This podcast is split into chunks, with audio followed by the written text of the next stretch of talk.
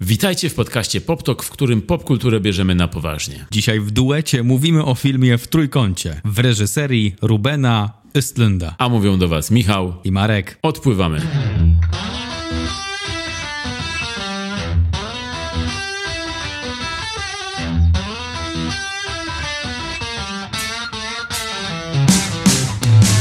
We're on a boat, you know. I'm on a boat.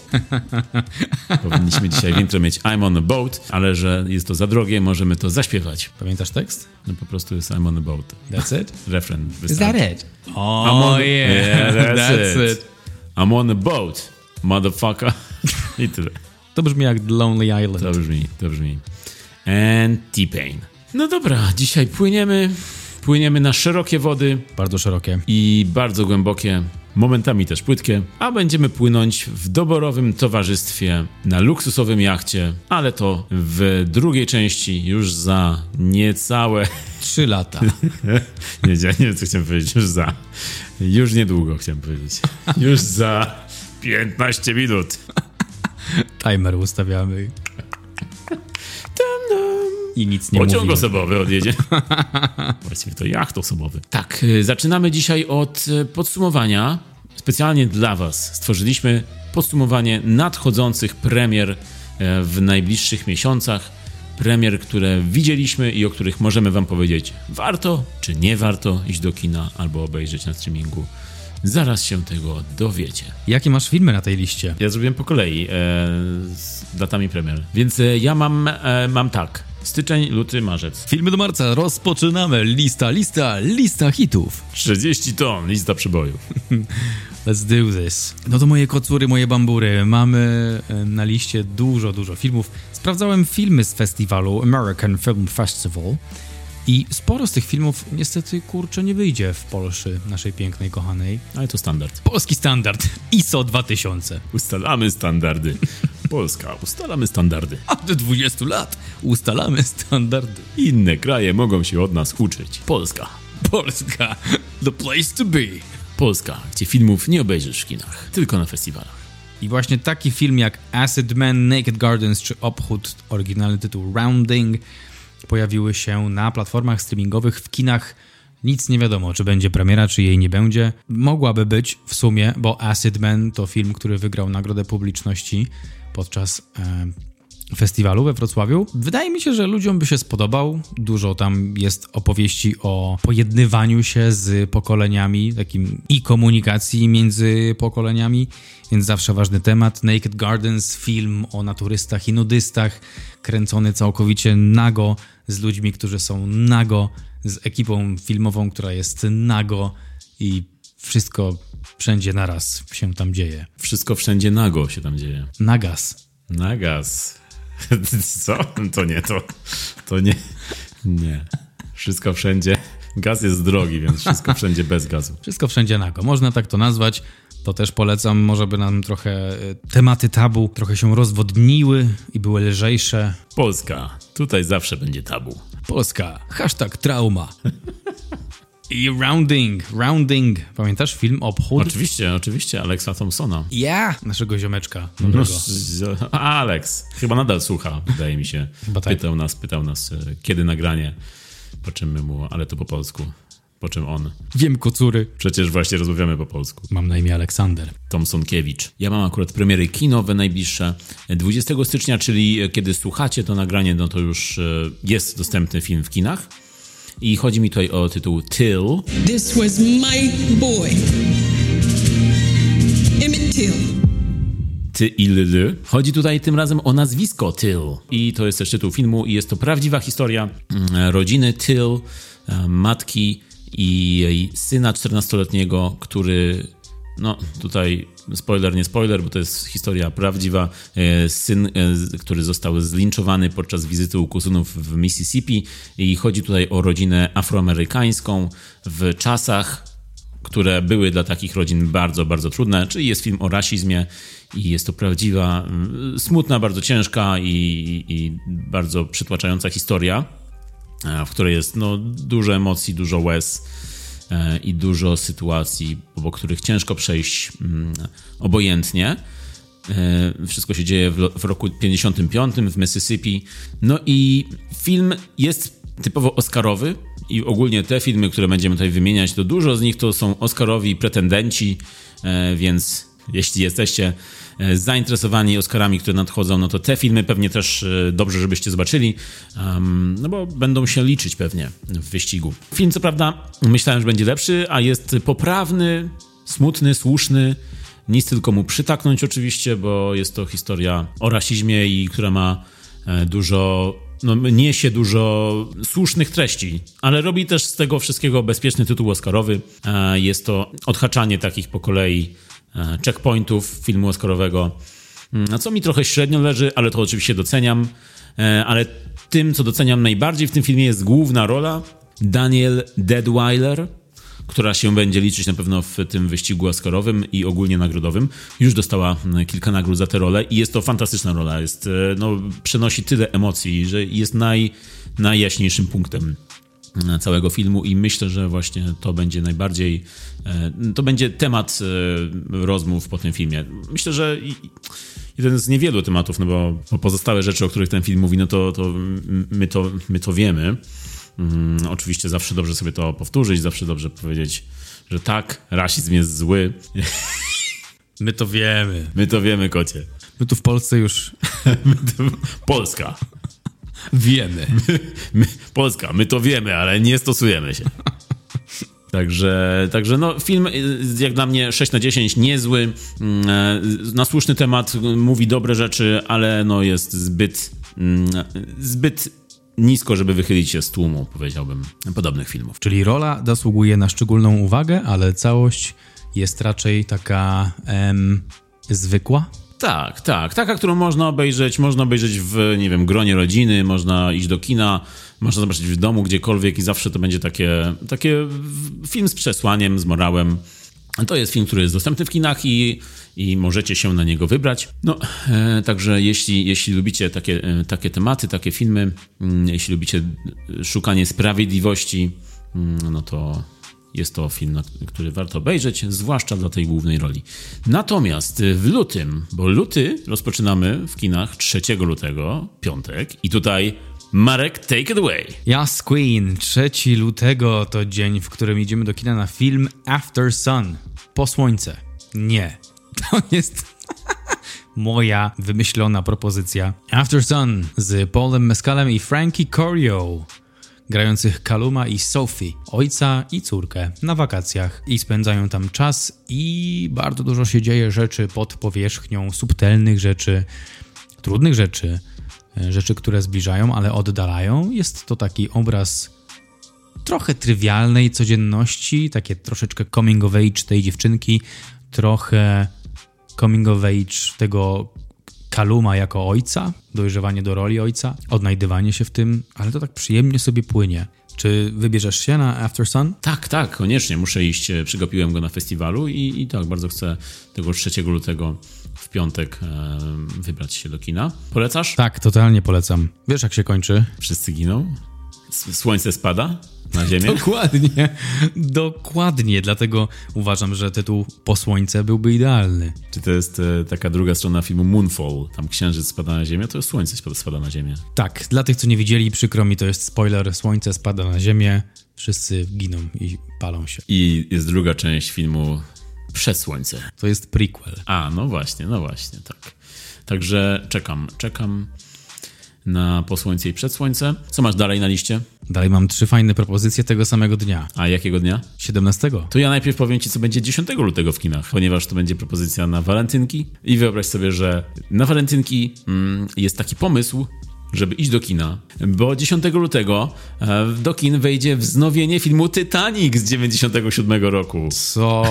Tak, e, idealnie na walentynki stwierdzili, że Titanic po tych ilu? 26 latach, nie wiem dlaczego nie 25, powinno być po 25, zazwyczaj jest e, równych, równa e, rocznica, ale w każdym razie Titanic wraca do, do kin i jako, że nie jest to film festiwalowy, ale film, który widzieliśmy, to możemy polecić wam, że w kinach możecie zobaczyć taki film i warto go, warto się wybrać. Ale to bez sensu, przecież DiCaprio nie będzie tam grał, bo film jest starszy niż 26 lat. What's, what's the point?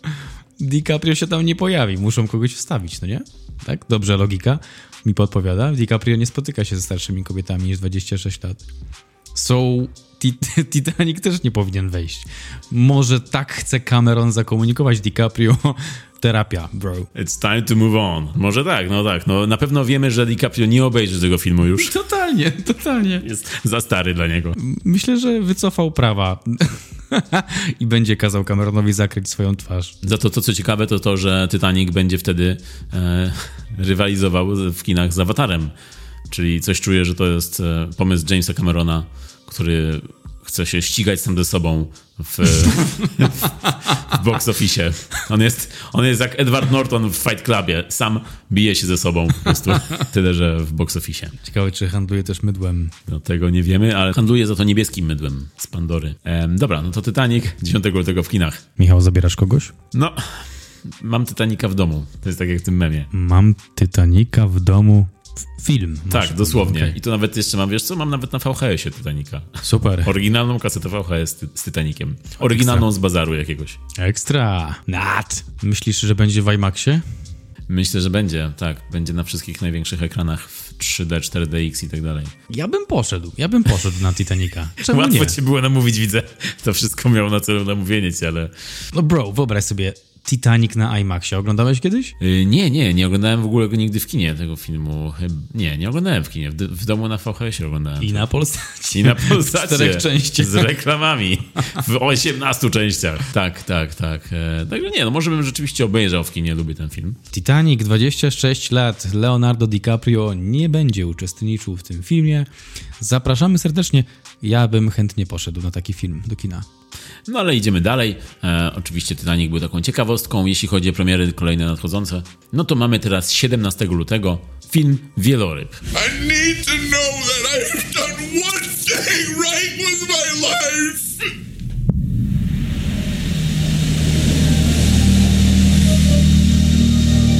Luty będzie ogólnie bardzo dobrym miesiącem w kinach. Będą e, na mojej liście co najmniej 3,8 na 10 tego miesiąca. Ale zaczynamy od filmu Wieloryb 17 lutego. Film, który mnie się bardzo podobał, tobie nie aż tak bardzo.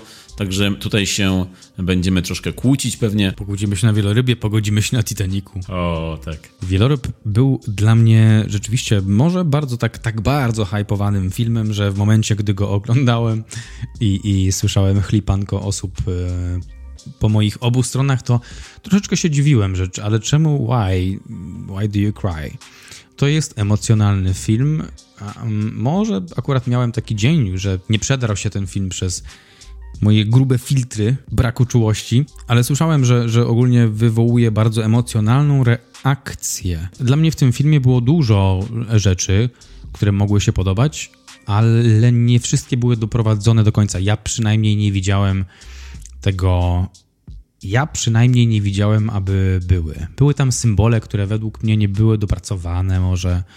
Em, ostatnia scena, która, jedna z ostatnich scen, która miała być takim apogeum e, całego filmu, miała, miała dostarczyć to wszystko, czego, na co czekaliśmy cały film, dla mnie nie dostarczyła. I tam, to chyba tam było, gdy w ostatnich momentach e, ekran robił się taki bardzo jasny i właśnie w tym momencie, bo to było bardzo ciche i bardzo jasne, można było zobaczyć i usłyszeć, że ludzie mają chlipanko. I felt kinda bad, bo ja tego nie miałem. Może nie słuchałem na lekcji, gdy pani zadawała pracę domową, bo może nie miałem tej reakcji, bo czegoś nie wyłapałem, nie zrozumiałem, więc to jest super okazja, żeby sobie odświeżyć ten tytuł. No ja, u, u mnie akurat Wieloryb zadziałał, można powiedzieć, wpłynął. Chciałem też przy okazji zwrócić uwagę, że Wieloryb wcześniej był Titanic, a dzisiaj będzie w trójkącie. Mamy tutaj trio filmów morskich.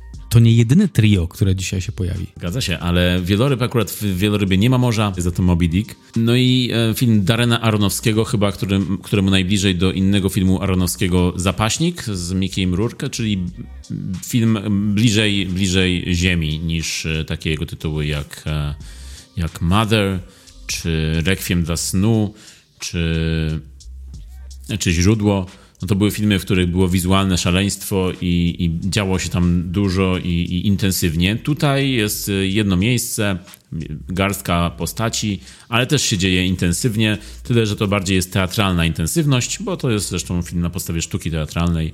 E, Scenariusz, scenariusz napisał Samuel D. Hunter, który tutaj ciekawostka, bo jest też autorem serialu Baskets, świetnego serialu komediowego z Zakiem Galifan... Z Zakiem, Galifanak... z Zakiem Galifanakisem. Tak, tak. dziwnie odmienia. Dziwnie, nie? Tak.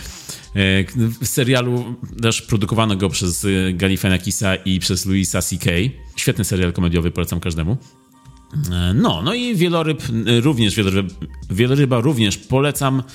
Coś czuję, że jest to film, na który wiele osób czeka i pewnie też część osób rozczaruje, tak jak właśnie na przykład ciebie, bo bo jest bardzo dosłowny, tak? Jest y, dosadny, ale też dosłowny i może też dużo osób czekać na coś innego niż dostaną, ale myślę, że nadal to, co dostaną jest, jest, jest warte, warte uwagi. Mnie się bardzo podobało, no i przede wszystkim Brendan Fraser, o czym wszyscy już wiedzą, z wielką rolą. Dosłownie wielką rolą. Zdobył już Critics' Choice Award za swoją rolę ostatnio. No i teraz nadchodzą Oscary. I jeszcze jedna premiera 17 lutego w kinach, film Blisko. Tu chez nous un jour Peut-être. Ouvrez les fenêtres, les garçons. Tout prêt? Reżyseria Lucas Don't albo Lucas Do. Zależy od dnia. Lucas Please Do. Kolejna bomba emocjonalna która wybucha płaczem na sali. E, widziałem go na festiwalu Kamera Akcja w Łodzi i tam było dużo, dużo łez, dużo chusteczek w ruchu i tak będzie też w kinach. Film, który naprawdę porusza, ale film też, który jest no piękny po prostu. Jest piękna historia, bardzo subtelnie opowiedziana mm, o dwóch chłopcach, młodych chłopcach, E, no, historia, z którą e, wiele osób może się identyfikować. Piękny film, świetne role młodych aktorów, bardzo młodych. Film o przyjaźni dwóch 13-letnich chłopców który już e, otrzymał Grand Prix festiwalu w Cannes. I też film, który będzie pewnie się liczył w wyścigu Oscarowym. Być może będzie konkurentem naszego IO z Kolimowskiego, a to tego się dowiemy jeszcze. Tego się dowiemy. Dowiemy się też, w jaki sposób kobiety są eksploatowane w kinie, zwłaszcza zachodnim, w filmie Niny Menkes pod tytułem Brainwashed Seks Kamera Władza. To się odbędzie 17 marca. E, wtedy jest premiera w polskich kinach. The male gaze is definitely normalized in our society. Almost all of us are familiar with the phrase the objectification of women. What exactly is an object and what is a subject? Jeśli jesteście zainteresowani bardzo subiektywnym dokumentem ze strony pani Niny Menkes, to zapraszam do kin. Na pewno dużo wartościowej wiedzy jest tam przedstawianej. Jest odkrywana kurtyna kina zachodniego, tego jak e, aktorzy, aktorki są traktowani przez reżyserów, jak ten przemysł filmowy dokładnie działa lub dokładniej lub jak działa z perspektywy Niny Menkes. Według mnie film nie pozwala na obiektywną ocenę. Tego typu film będzie dostępny 17 marca wraz z filmem, który na pewno ogrzeje wasze serca. Filmy pod tytułem I Love My Dad. Can I pretend to kiss you? Look, you asked for my help. Internet kiss your son. That's gross. Do you love him? Yes. Kiss him already. Patonem Oswaltem i Jamesem Morozinim, czyli też reżyserem, czyli gościem, który faktycznie przeżył te wydarzenia, które portretuje w tym filmie. Ten film serdecznie, serdecznie polecam. Nie wiem, czy ty też polecasz. Pamiętam, że nam się podobał ten film. Bardzo, bardzo mi się podobał. To był jeden z najprzyjemniejszych seansów festiwalu e, American Film Festival. I jest to feel good slash feel awkward movie.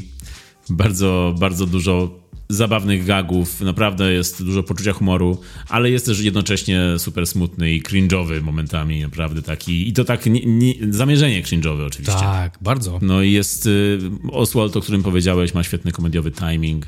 I, no, i, no i ta historia, która zostajemy wprowadzeni, że, że, że ten film jest historią, która naprawdę wydarzyła się reżyserowi, scenarzyście, jak już powiedziałeś, i jego ojciec, właściwie to filmowy ojciec jest wzorowany na jego ojcu. I jak, tego, jak to się ogląda, to, to, to jest niesamowite doznanie po prostu. To jest niedowierzanie i, i, i jest taki uśmiech, co, cały czas towarzyszy uśmiech na, na, na twarzy podczas filmu. Tak, ten, ten uśmiech pojawia się i zostaje na tej twarzy z różnych powodów, w różnych momentach filmu. Czasem bawi, czasem jest tak niezręcznie, że jedyne co potrafimy pokazać to uśmiech, bo nie wiemy jak zareagować. Jest tam też Rachel Dratch i ona też jest aktorką, ona może nie też, ale ona jest y, głównie aktorką komediową. Wiele lat spędziła w SNL, Saturday Night Live, w Nowym Jorku i tutaj też pokazuje zarówno swoją poważną stronę, ale też komediową i robi to w mistrzowski sposób, zresztą jak zwykle. A jeśli przy ojcach jesteśmy, no to ja mam jeszcze jeden film, e, którego premiera nadchodzi e, jeszcze na koniec lutego, bo 24 lutego film polski pod tytułem Tata.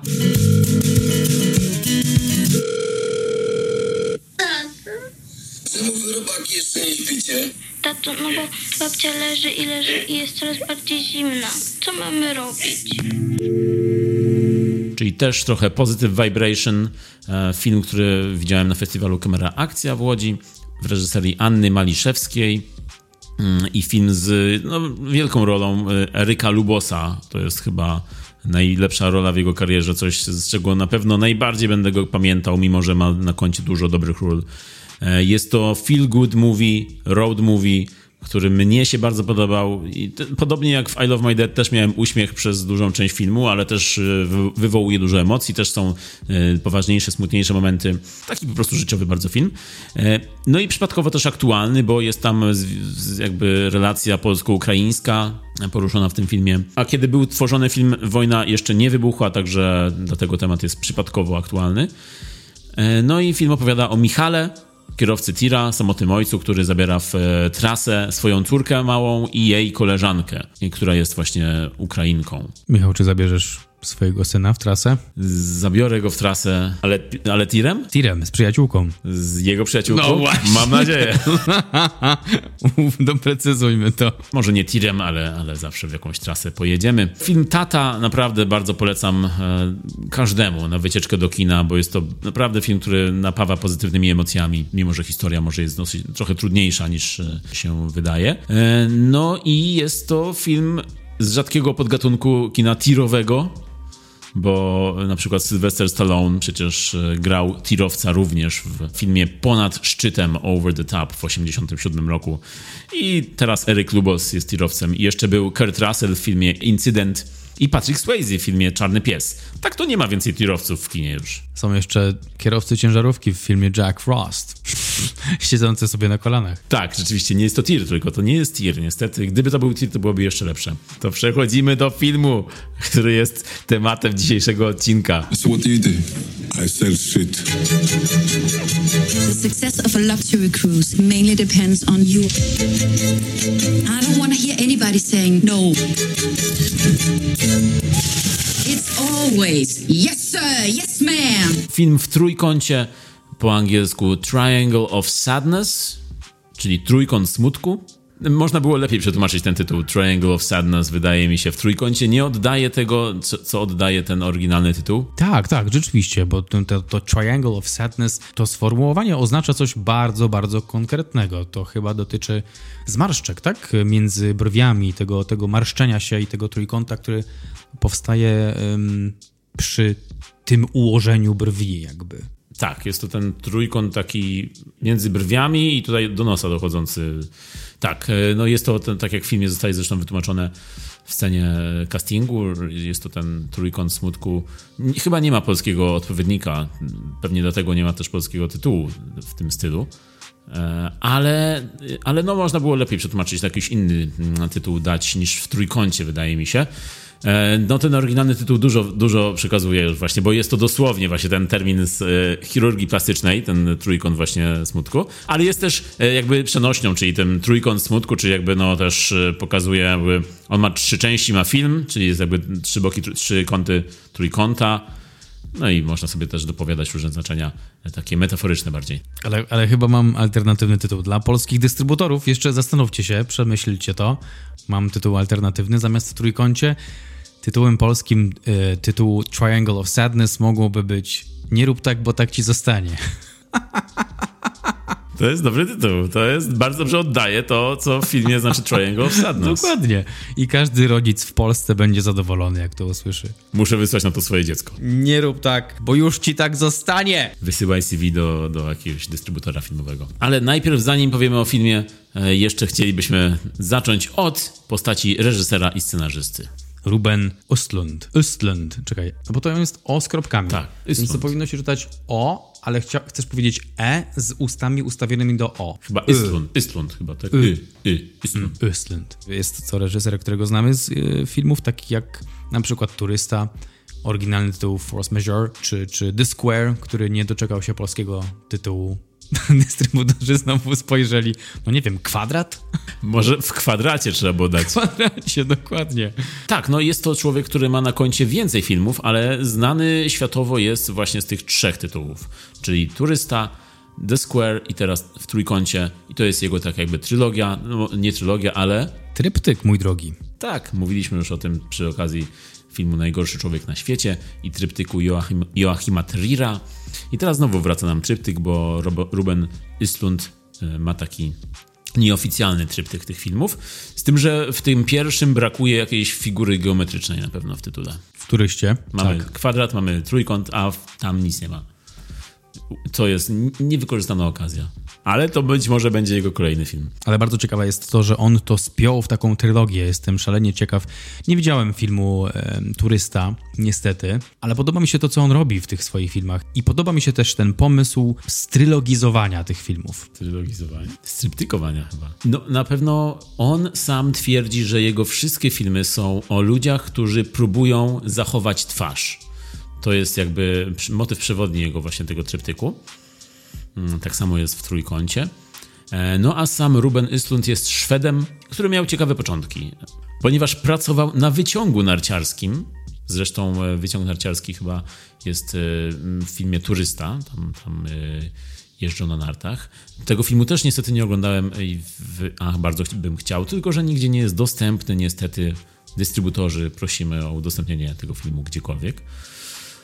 No i pracował na wyciągu narciarskim i tam zaczął kręcić filmiki narciarskie, instruktażowe filmiki o, o jeździe na nartach. I te filmiki były podobno tak dobrze zrobione, że na podstawie tych filmików najpierw dostał pracę w jakiejś lokalnej firmie produkcyjnej, filmowej, a następnie na podstawie tych samych filmików Dostał Oscara. to była jego trzecia Złota Palma. Na podstawie tych filmików dostał się do szkoły filmowej, wyobraź sobie, więc... e, Za moich czasów, synek. To wystarczyło filmy zrobić na VHS-ie. nagrać jak jadę na nartach i już. Now get the fuck out of my office. No i jak widać, opłaciło mu się, no bo po tych filmikach instruktażowych zrobił dużą karierę ogólnoświatową, międzynar- międzynarodową. Założył wytwórnię filmową z Erikiem Hemmendorfem. Hemendorszem. Wytwórnia nazywa się Platform Production i produkuje filmy. Believe it or not. Narciarskie? Pewnie też. Chciałbym zobaczyć. Tak jak mówiliśmy, był Turysta. Pierwszym jego takim wielkim sukcesem Turysta dostał nagrodę jury w Cannes. Następny jego film, czyli The Square, dostał Złotą Palmę w Cannes w 2017 roku. I teraz nowy film e, w Trójkącie dostał trzecią nagrodę i drugą Złotą Palmę w Cannes. Bardzo fajny sukces. Tak, ale to, że trzy filmy zrobił i trzy nagrody w Cannes otrzymał, z czego dwie Złote Palmy, no to to jest niespotykane. A jeszcze przed w trójkącie dostał medal od króla w Szwecji. That's awesome. I potem zaczął się zastanawiać, hej, może zrobię trzeci film, który będzie nagrodzony złotą palmą. No widać, że ma szczęście do tych nagród, albo ma, wie po prostu, jakie tematy są nośne, wie, jaki film zrobić, żeby otrzymać nagrody. Wie, jak oszukać system po prostu. O, o, właśnie odnośnie tego systemu, e, nie wiem, czy widziałeś taki filmik jak Ruben i Erik chyba? Chyba to właśnie jest Erik, ale, ale nie jestem pewien. Czekają na listę nominacji filmów. I, wi- widziałeś to? Widziałem. Jest taki sześciominutowy filmik w sieci, e, taki komediowy. Oni go wypuścili tak dla beki, tak czytałem przynajmniej. Przy okazji filmu Turysta to było. Tak, tak. I, i oni fajnie tam się zachowują, wszystko jest takie autentyczne i widać jego styl filmowy, gdy robią, gdy oni grają w tym krótkim filmiku. I pamiętam jak, e, jak opadły im ręce, gdy dowiedzieli się, że Ida jest nominowana. Jak Ida jest nominowana, to nie mamy szans. Nas nie będzie, na pewno. no i faktycznie tak. ta, ta akademia ogłosiła listę nominowanych filmów, była tam Ida, rozłożyli ręce. Jak się nie pojawił ich tytuł, to Ruben zaczął płakać gdzieś w kącie. Tak, to było, z tego co czytałem, to było nawiązanie do jego filmu Turysta w ogóle, to zakończenie tego filmiku krótkiego, więc to było tak jakby usta- to było ustawione komediowo właśnie przez nich i, i, i to zakończenie właśnie miało nawiązywać do Turysty. Okej, okay, czyli to nie było zrobione pod nominacje, pod Oscarowe nominacje, tylko pod film Turysta, To tak? było, po, to było tak jak się dzieje w filmie, to rzeczywiście było podczas no, ogłaszania nominacji, tylko że sam finał filmu dostał, został podobno dograny dźwiękowo, bo tam finał się dzieje już poza kadrem. Mhm, I tak, to, tak, to tak. chyba było właśnie, pewnie to było ustawione już, że, Mhm. że zrobią to na takiej zasadzie. Okej, okej.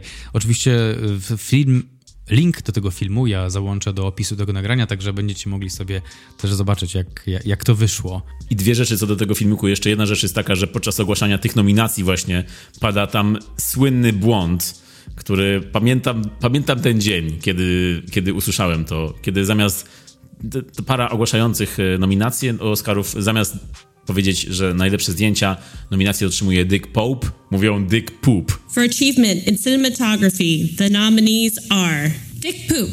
Dick Pope for Mr. Turner. Well, it's unfortunate. You know, I, we're all too mature to laugh at that. To jest jeden z najsłynniejszych błędów przejęzyczeń Oscarowych ever. I pamiętam ten dzień, po prostu śmiałem się cały dzień z tego, jak można że akurat przy tym nazwisku pomylili się i powiedzieli Dick Poop, co jest, no sprawdźcie w słowniku, jak nie wiecie. No i to, i on, to pada w tym filmiku i oni tego nie słyszą, bo akurat wtedy gadają. Ja mówię, ja jak to oglądałem, mówię, wow, taki moment przegapiliście. Tyle rzeczy się dzieje. Także tak. I druga rzecz jest taka, że jest sequel jakby tego filmiku, czyli drugi filmik z 2017 roku, kiedy są ogłaszane nominacje do Oscarów, e, już kiedy jest The Square. I wtedy jest już zakończenie takie, że on dostaje tą nominację, więc już jakby jest kontynuacja tego, co było parę lat wcześniej, tym razem z happy endem. A z ciekawostek e, na temat Rubena Östlunda jest e, jeszcze taka jedna rzecz.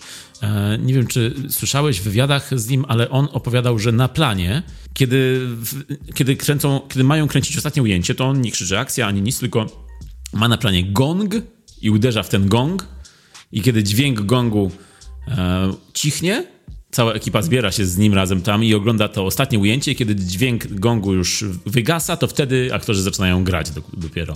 Co jest, uważam, że fajnym, ciekawym i e, oryginalnym sposobem na, na, na wyd- wydobycie z aktorów jakby czegoś, czegoś innego, nowego. Tak, tak, tak, całkowicie się zgadzam, bardzo fajnie.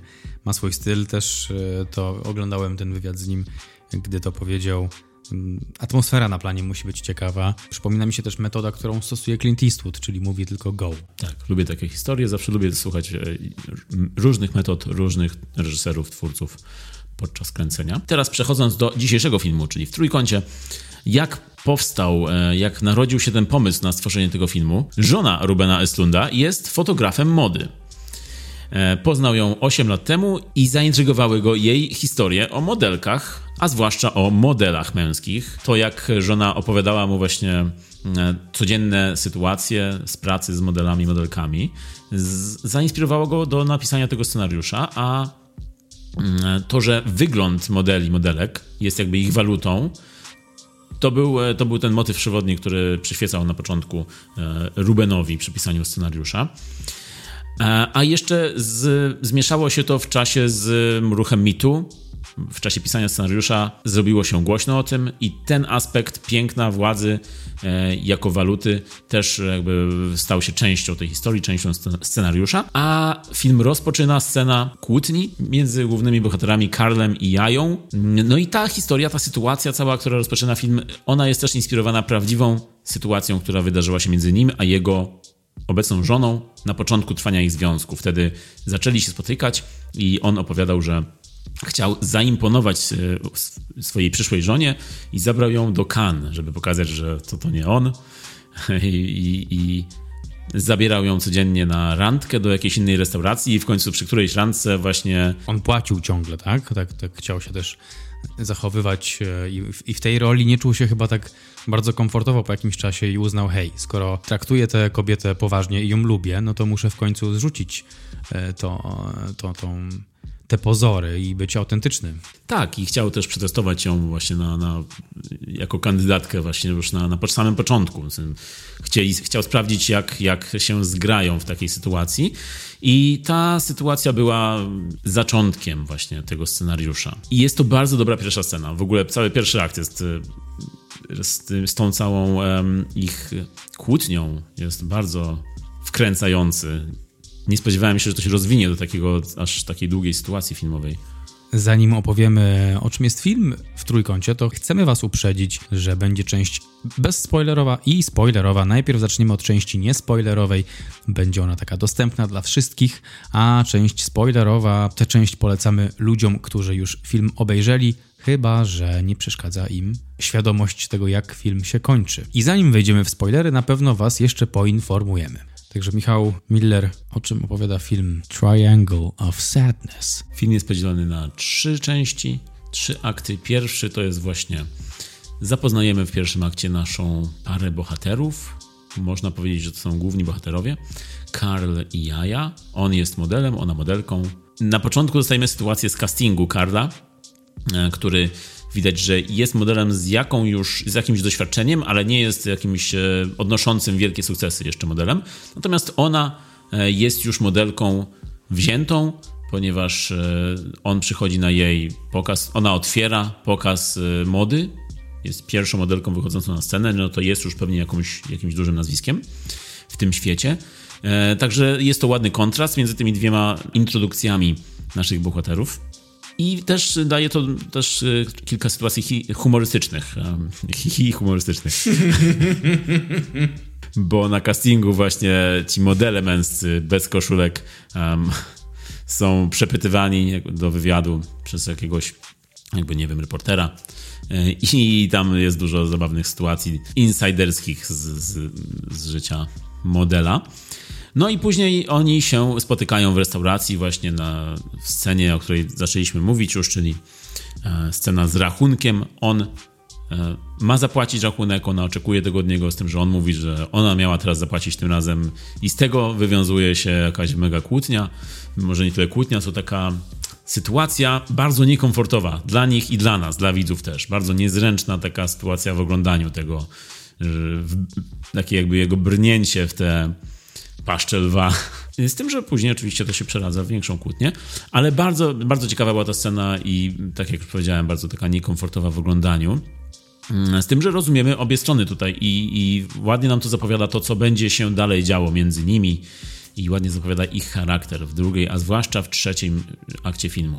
To, co będzie się działo, kiedy to się wszystko odwraca. No ale dalej tak, mamy część drugą, która dzieje się już e, na jachcie, czyli ta właściwa część, ta, która była zapowiadana w zwiastunach.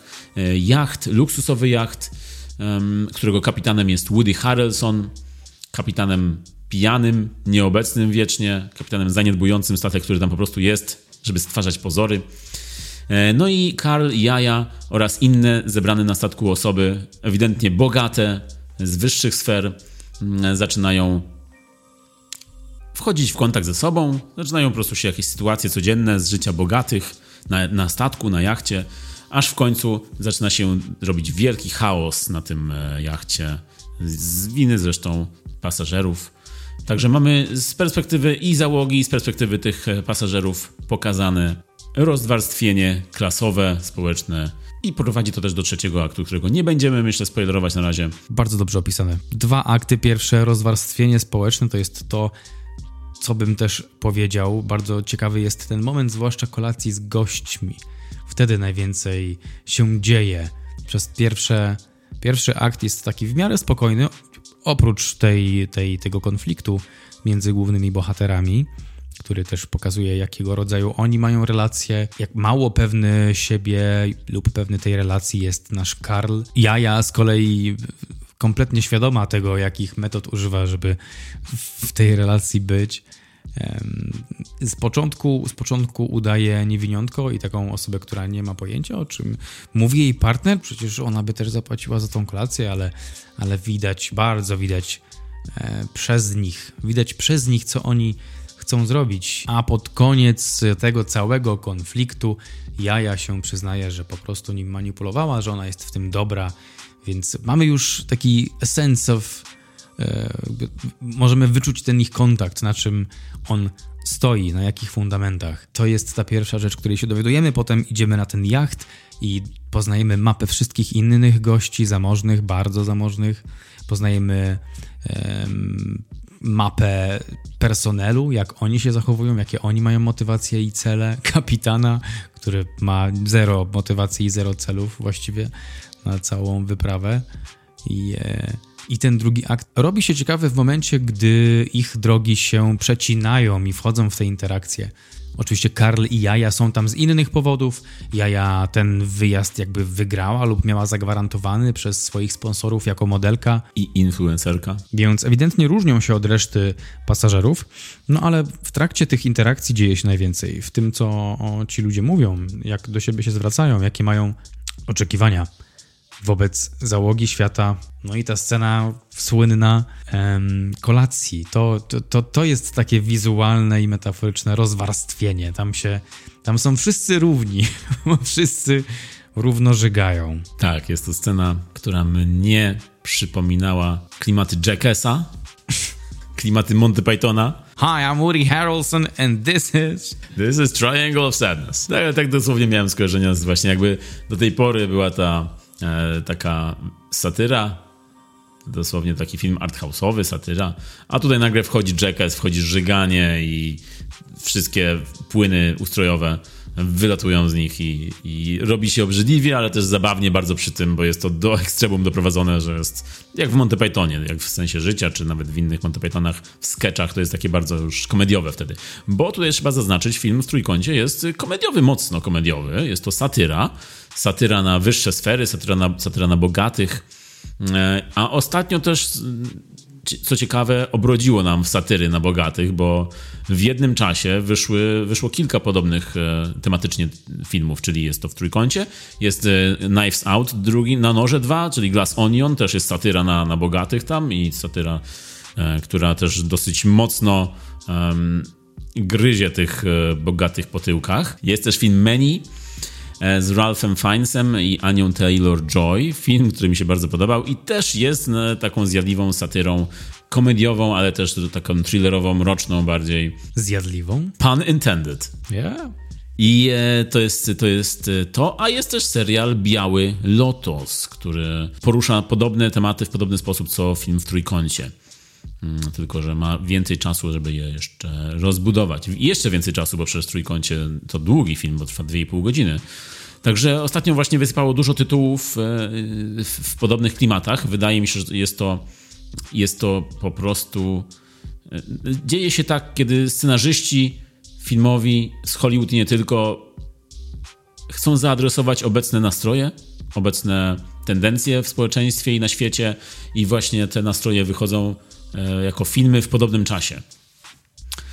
No i jest też, też swoją drogą temat nośny obecnie, temat, który ludzie chcą oglądać, chcą nagradzać, co widać po Złotej Palmie w Cannes. Ruben Ostlund dostał za ten film myślę tą nagrodę, ponieważ trafił dobrze w, w, w czas, trafił tym tematem dobrze w czas i w nastrój. Bo tak naprawdę, jeśli chodzi o przyznawanie nagród, no to myślę, że nie jest to najlepszy film ze Złotą Palmą. Nie, kiedy szedłem na ten film do kina i zdawałem sobie sprawę, że to jest film, który wygrał Złotą Palmę, no to myślałem, myślałem, że tam będzie więcej na przykład, będzie, będzie większy ten film. A to jest bardzo zabawna komedia, bardzo fajna satyra, ale, ale po obejrzeniu na przykład się zdziwiłem, że ten film dostał Złotą Palmę, bo na przykład e, były filmy, które, które po, po dostaniu tej nagrody okazały się naprawdę wielkim kinem. To jest bardzo fajny film, ale nie spodziewałbym się na przykład, że dostanie taką nagrodę prestiżową. A jeśli chodzi o te, te satyry, które wymieniłem, no to z nich nie obejrzałem jeszcze całego serialu Biały Lotos, ale z nich myślę, że najlepsze jednak jest, no nie wiem, w Trójkącie albo Menu jest najlepsze, sam nie wiem. Chyba w Trójkącie mi się wydaje jednak jest najlepszą satyrą, najbardziej taką zabawną i, i którą mi się najlepiej oglądało. Chociaż Menu też mi się bardzo dobrze oglądało. Czyli Palma zasłużona, skoro najlepsza satyra. I mean, you said it. No właśnie, no właśnie, to jest ciekawe, bo może dlatego, że nie kojarzymy takiego kina komediowego ze Złotą Palmą, to mi się wydaje, że może być to, że, że taka komedia, która po prostu chce nas rozbawić, nie kojarzę tego z filmem, który dostaje Złotą Palmę na przykład. Może do tego było dla mnie ten, ten dysonans był mnie. To jest tak jak Oscary, nie dostają komedii Oscarów. Nie ma się co śmiać ludzie, świat jest poważnym miejscem. Tylko, że czy to była stuprocentowa komedia? No nie była to stuprocentowa komedia, to była bystra, inteligentna komedia. Inteligentny, subtelny żart. Bardzo subtelna umiejętność przedstawienia pewnej narracji, którą widzi twórca, reżyser i wprowadzenia tego na ekrany.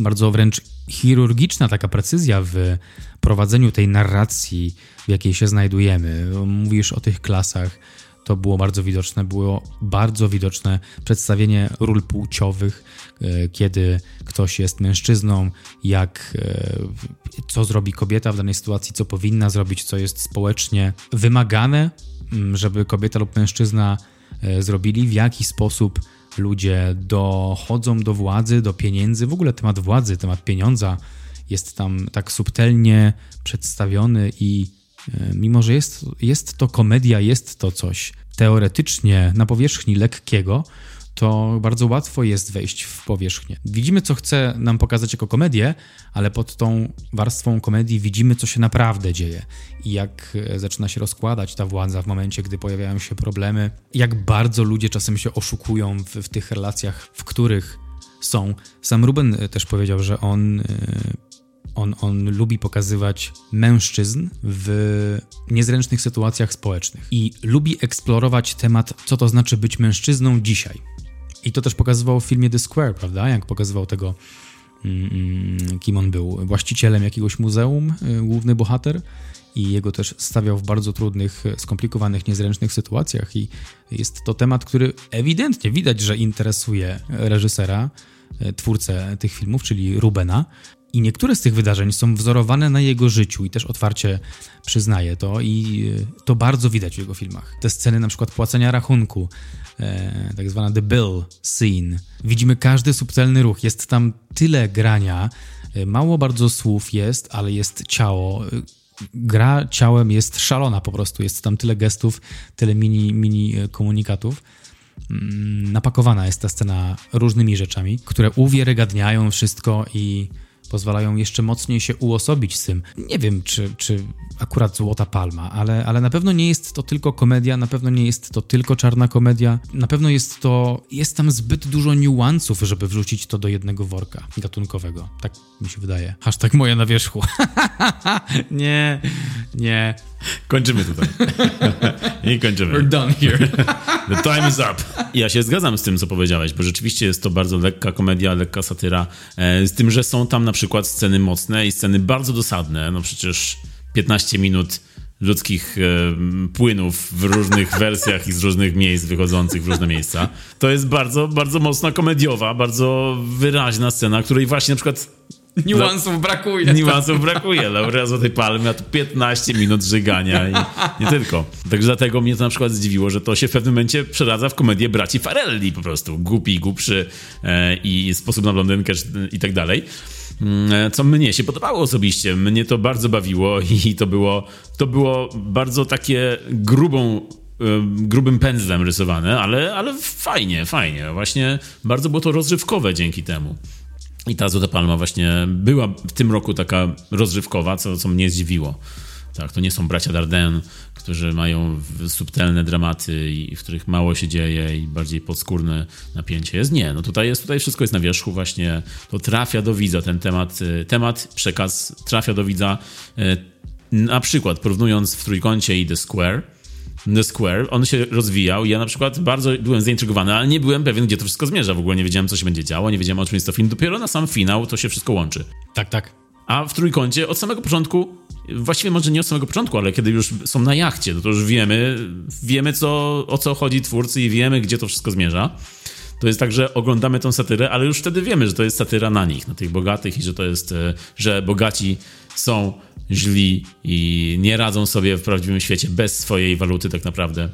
No to, jest, to są tematy, które są nam e, jakby znane przed obejrzeniem tego filmu i wiemy o co twórcy chodzi od początku do końca.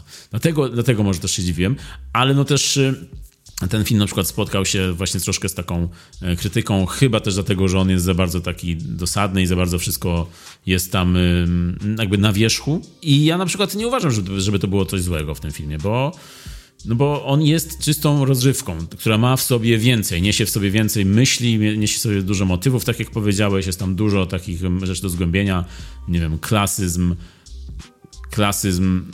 Marksizm jest też. Tak, marksizm, socjalizm, kapitalizm. Bardzo dużo izmów tam jest i, i można sobie tam.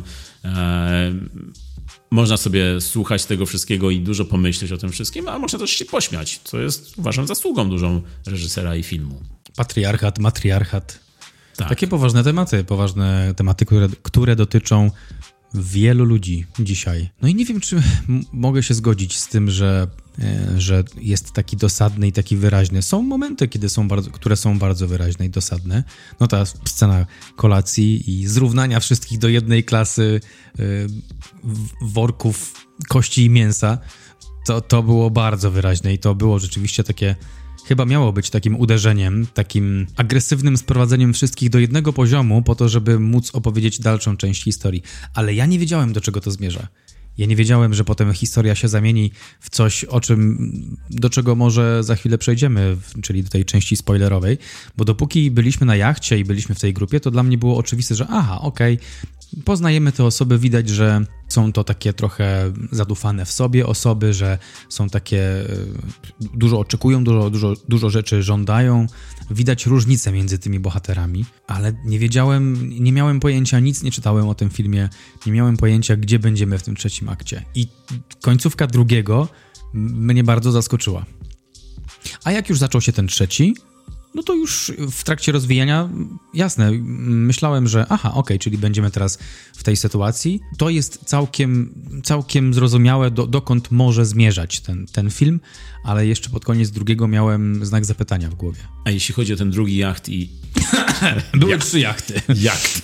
Jeśli chodzi o drugi jacht, e, no to tam mamy właśnie zbiór, zbiorowisko różnych postaci i te, same te postacie już są fajnie zarysowane. Oczywiście też grubo, ale, ale zabawnie, bo jest tam oprócz naszego Karla i Jai, e, ona jest influencerką i jest to też temat żartów, kiedy ona on jej cały czas robi zdjęcia i ona pozuje z jedzeniem, z makaronu, on jej robi, cyka zdjęcie za zdjęciem, po czym ona odstawia ten makaron i wszyscy się dziwią.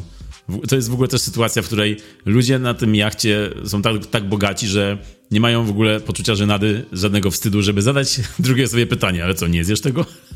To jest sytuacja, która ma takie warstwy jak cebula, bo, bo z jednej strony jest to zabawne, że ona w ogóle osuwa ten talerz, że ona tego nie je, ale z drugiej strony jest to też zabawne, że, że ten milioner, e, oligarcha rosyjski... Dimitri. Dimitri, tak, który mówi, że sprzedaje gówno, dosłownie, bo jest to w zwiastunie nawet, że handluje nawozem. I sell shit. Tak. I to, że on jej zadaje pytanie, jego reakcja na tą sytuację całą jest zabawna. To, że on jej zadaje pytanie, nie będziesz tego jadła, tak jakby, nie wiem, chciał dojeść za nią w tym momencie, albo po prostu normalnie nie zadałbyś takiej sobie takiego pytania, ale oni, oni, they don't care. Oni po prostu mają wszystko wywalone, oni mogą wszystko powiedzieć, mogą zapytać, mogą cokolwiek na tym jachcie. Zapłacili, zapłacili grubą kasę i, i nie mają żadnej, żadnego poczucia żenady dosłownie.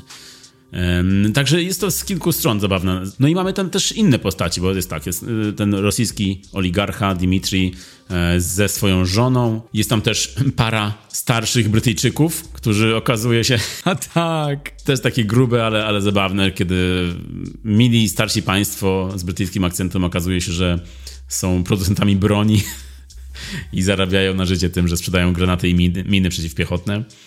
Jest, e, jest starsza, jest pani w średnim wieku na wózku ze swoim mężem i ta pani jest po udarze chyba, czy wylewie i mówi, może mówić tylko jedno wyrażenie, jedno zdanie. Indel Wolken. Co oznacza... W chmurach. Tak, i jest to też grane komediowo. No i jest to tak zabawnie dla humoru grane też e, to jej wyrażenie, które powtarza. Jest też e, Jorma, który jest sam na statku, ewidentnie szuka drugiej połowy, wśród, e, wśród tych uczestników rejsu. Jest też załoga, czyli ta niższa klasa, niższa warstwa społeczna, ci pod pokładem, których przez część filmu nie widzimy, dopiero później ich poznajemy.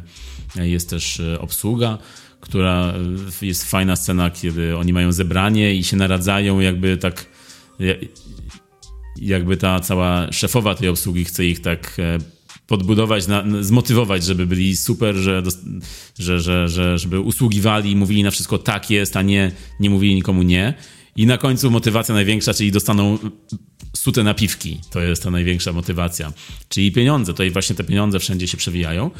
Mm, no ale mm, są też tam takie sytuacje nadal niekomfortowe do oglądania, jak to, że Karl, który jest zazdrosny o jednego gościa z, z ekipy statku, bo, bo w ogóle nawiązują kontakt z jają jakikolwiek, ona coś do niego mówi i on zazdrości w tej scenie nic nie robi, tylko dopiero idzie naskarżyć do, do pani, jak idzie naskarżyć do szefowej obsługi na tego gościa i, i jest to też bardzo komediowo rozgrane, ale też tak cringe'owo komediowo, że, że oglądasz i mówisz, o Boże, jak, jak tak można.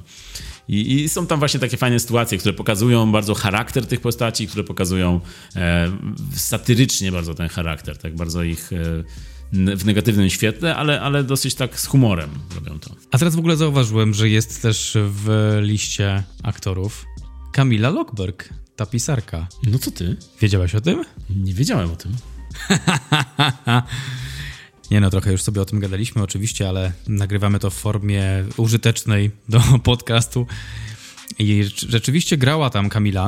Mm, w której scenie mówiłeś w tym w scenie pokazu mody, tak? Jak, jak została przesadzana, żeby inni mogli usiąść, więc też taka trochę degradacja społeczna w jej stronę skierowana. Ale wcześniej tego nie wiedziałem. Jak była ta scena, to nie rozpoznałem jej. Ale rzeczywiście każdy tutaj gra coś innego i robi to bardzo oryginalnie i uważam, że wszyscy aktorzy zdali egzamin. Było aktorsko świetnie. Masz jakąś ulubioną postać albo aktora z filmu? Woody, to musiał być, musiał być Woody. Woody Harrelson. Woody Harrelson, który grał kapitana, który prawdopodobnie jest alkoholikiem. To, to jest, to, to, to chyba nie ulega wątpliwości generalnie, ale no wrzucę to słowo prawdopodobnie. Benefit of a doubt. Nie oskarżą cię teraz. Woody Harrelson. Fajny gościu. Biali nie potrafią skakać. I też pokazał to w tym filmie, że nie potrafi skakać. That's racist.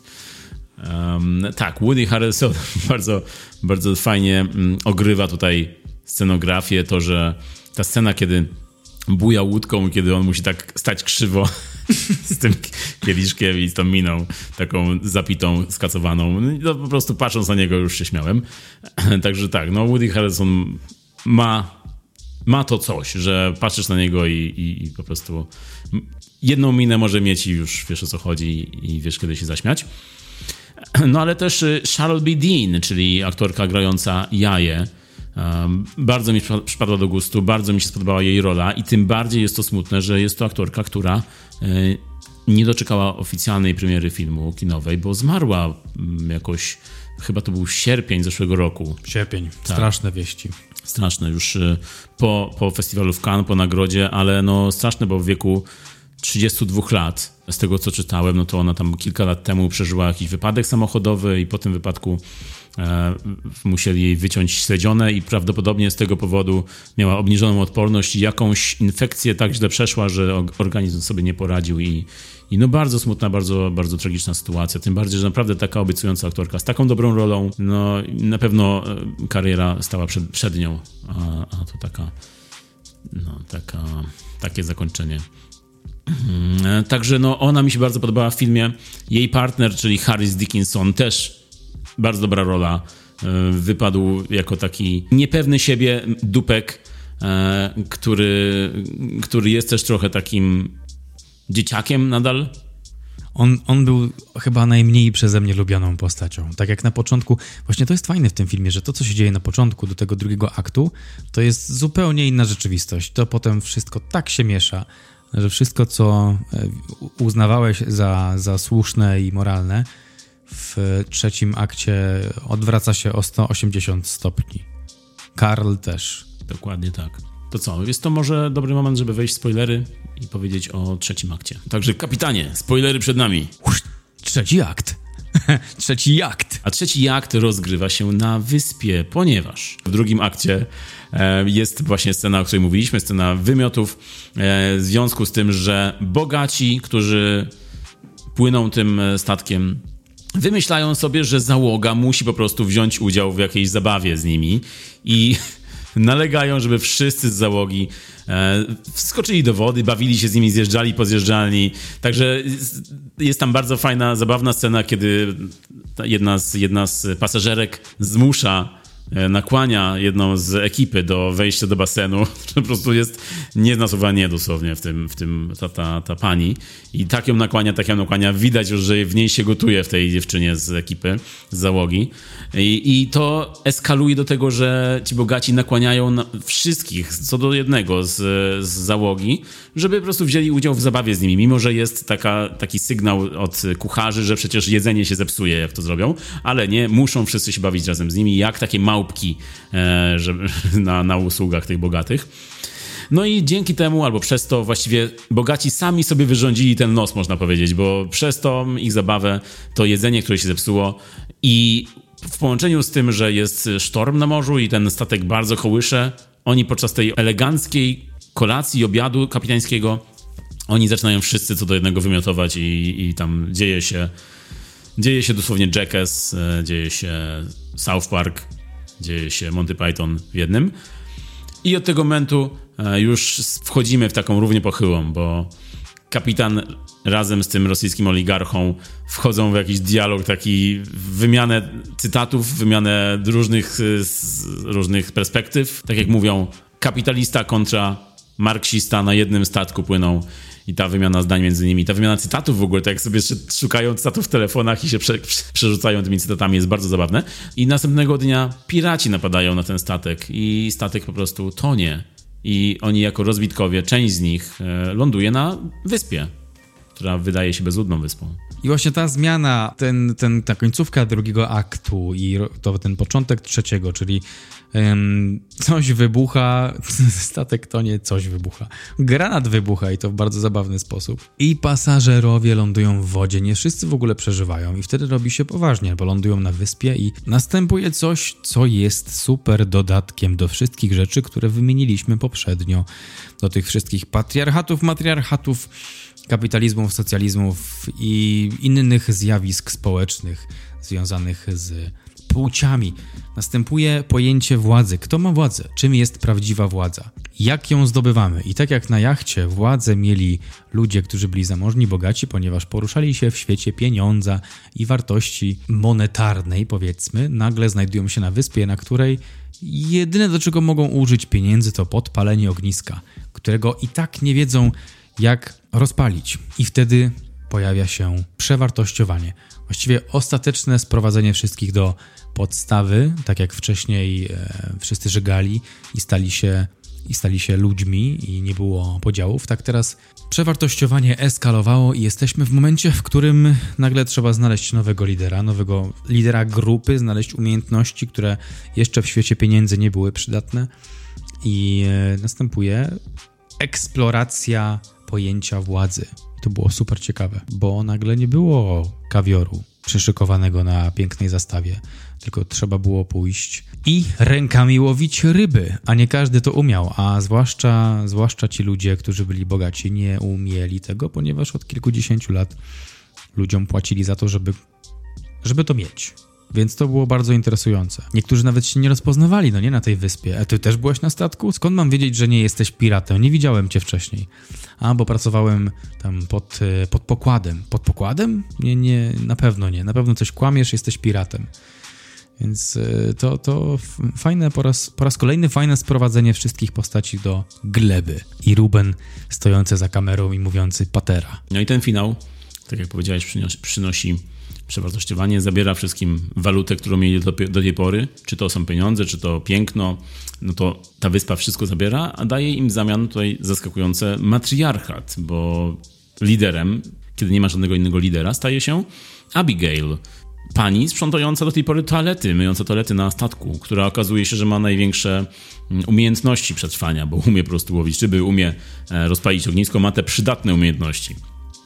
Czyli to jest, następuje właśnie fajne odwrócenie, które oczywiście nie jest w żaden sposób odkrywcze, ale prowadzi do innych fajnych, zabawnych, czy też od, odkrywczych może sytuacji. To, że w pierwszym akcie Karl i Jaja e, rozmawiają właśnie o tym, kto ma płacić i Jaja mówi e, że dla niej jest ważne, żeby ktoś, facet dbał o ich przetrwanie i później na końcu ta sytuacja właśnie dochodzi do tego momentu, że ktoś musi zadbać o ich przetrwanie i on dosłownie, Karl, robi to, co musi zrobić, czyli wchodzi w związek seksualny z Abigail, która po prostu go traktuje jako swojego chłoptasia i...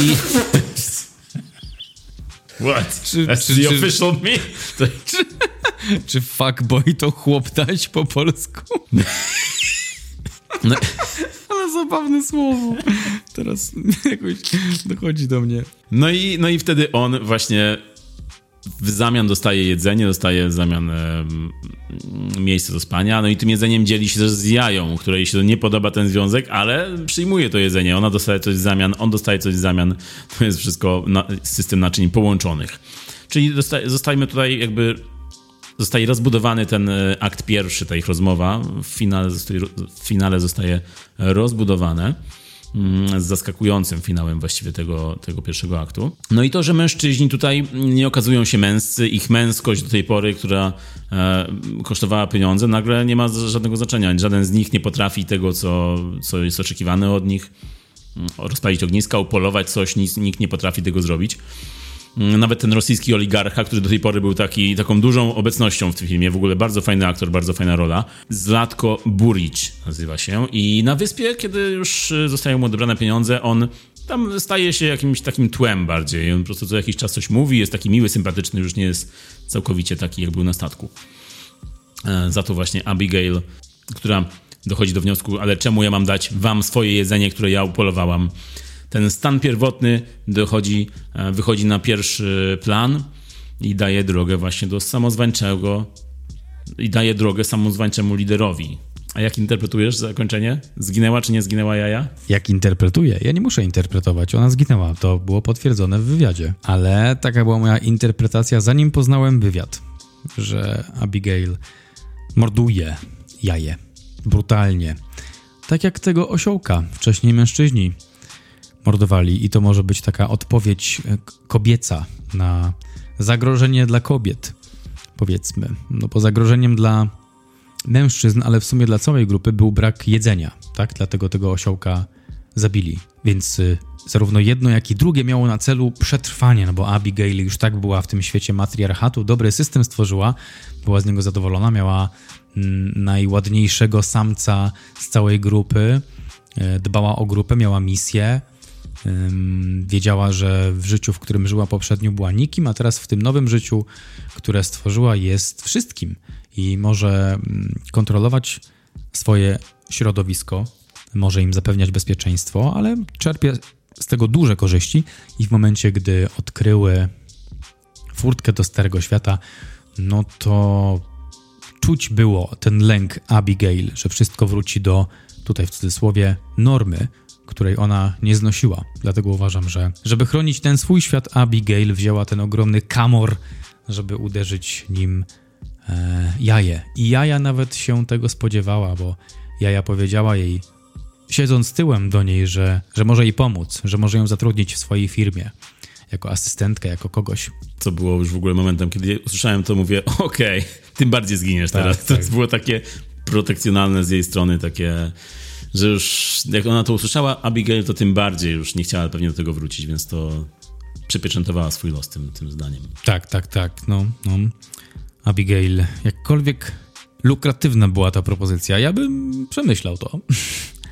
Ale, ale, ale w sumie to, będąc na miejscu Abigail, rozumiem, ile tam musiało być lęku za tym powrotem do normy, do starego życia. Dlatego wydaje mi się, że się jej pozbyła. Tak. No i tutaj też e, świetna rola Dolly Leon, która grała tą Abigail. No tak, no i jest ostatnie ujęcie, kiedy Karl biegnie. Ojejku, rewelacja, ciary. Słuchałem tego utworu przez bite dwa tygodnie non-stop właściwie. Mimo, że ja znam ten utwór i wcześniej nie zrobił na mnie takiego wrażenia, ale użyty w tej scenie No powiem ci, że ja też bardzo wszedł mi ten utwór i jest to świetny kawałek i sprawia, że to zakończenie jest lepsze niż jest w rzeczywistości, bo samo to ujęcie jego biegu, no to ja zastanawiałem się, gdzie, jak, po co, w sensie co to ma znaczyć, co on biegnie, gdzie biegnie. po prostu biegnie. Po prostu biegnie. To zakończenie mi trochę tak urwało, ten, te dwie i pół godziny fajnego rozbudowywania i to zakończenie tak się urwało, że według mnie to zakończenie mnie grało, ale ten kawałek rzeczywiście wprowadzał taki super beat i, i wynosił to zakończenie wyżej. Um, także tak, to jest ten film w trójkącie. E, chyba pora na nasze podsumowanko. Film w trójkącie to kolejna i ostatnia część takiej samozwańczej trylogii lub tryptyku Rubena Östlunda, w której to, mój drogi, po raz kolejny przygląda się stereotypom płciowym na przykład, przygląda się ważnym pojęciom społecznym i zjawiskom społecznym i jest super obserwatorem i narratorem tego wszystkiego. Ewidentnie lubi stawiać kobiety i mężczyzn po obu stronach płciowego spektrum, wrzuca takie, takie subtelne problemy i obserwuje, jak chaos na nich działa i i co oni robią z tym chaosem, czyli taki naturalny krąg matki natury. Matka natura w działaniu. Najpierw jest porządek, potem jest chaos, potem z tego chaosu powstaje porządek, potem jakiś kolejny chaos się pojawia. Jak to w życiu wszystkich ludzi, nie jesteśmy żadnymi wyjątkami, nie ma ani jednej osoby na świecie, w której życiu nie pojawił się chaos. A zawsze po tym chaosie pokazuje się nowy porządek. Tak mniej więcej to działa. Nawet jak spojrzymy na koło, które przedstawia yin i yang. Chaos i porządek. I tutaj to widzimy. Ruben według mnie nie boi się e, opowiadać rzeczy ze swojej perspektywy. Zresztą to może nie jest tylko moja opinia, on po, on po prostu otwarcie o tym mówi, że e, zrobił jakiś film i część tego filmu wydarzyła się w jego życiu. I jest to, to co oglądamy na ekranie, jest częścią jego umysłu i jego próby zrozumienia świata, co jest super interesujące, bo to się zamienia w swoisty styl e, östlundowski. Teraz wymyśliłem to słowo. I ten styl pozwala się jeszcze mocniej uosobić z postaciami, z wydarzeniami, e,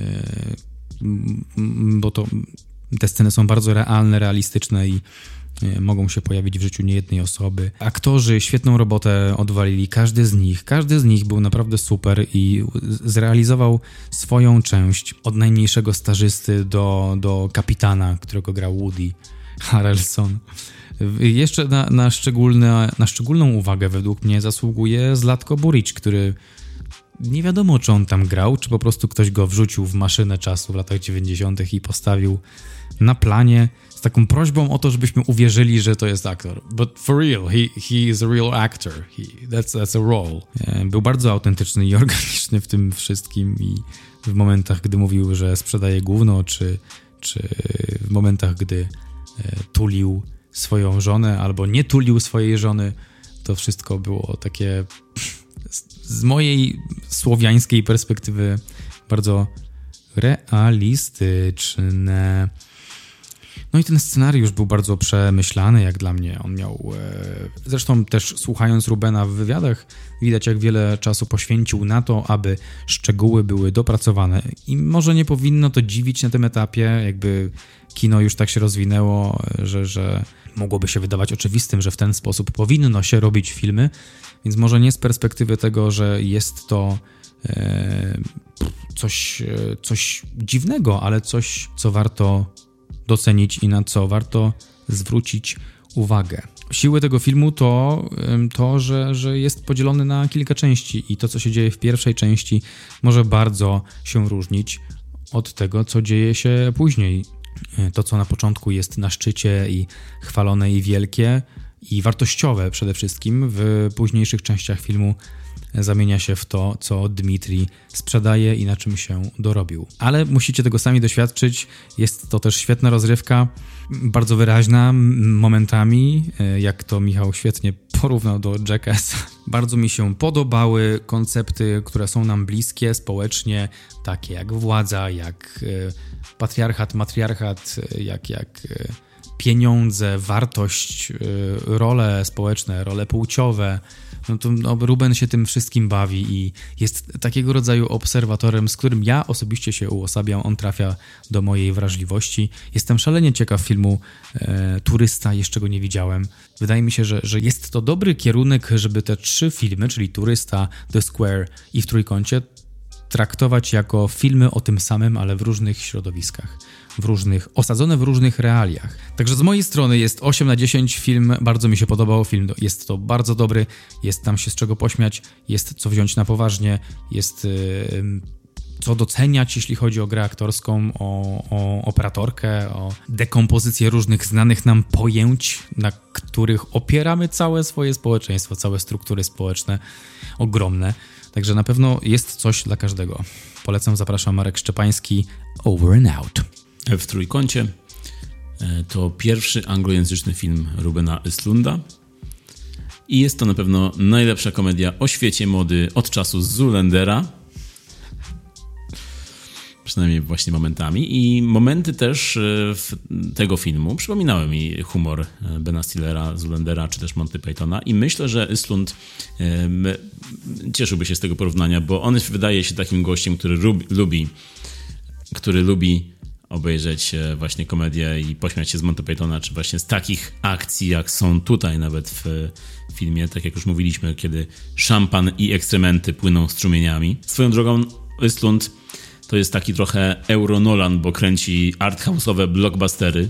Ten film kosztował 15 milionów dolarów, co jest jak na e, jak na arthouse bardzo dużym budżetem, to już jest no, wysokobudżetowe kino właściwie. Tutaj były takie rzeczy na planie, jak zbudowali specjalnie ten bujający się plan, bujającą się scenę, żeby, żeby nakręcić te ujęcia na statku. I 8 godzin dziennie ekipa właśnie grała na tym bujającym się planie i podobno część z ekipy miała chorobę morską już od samego grania, a operator musiał brać nawet aviomarin, żeby nie mieć e, tej choroby morskiej.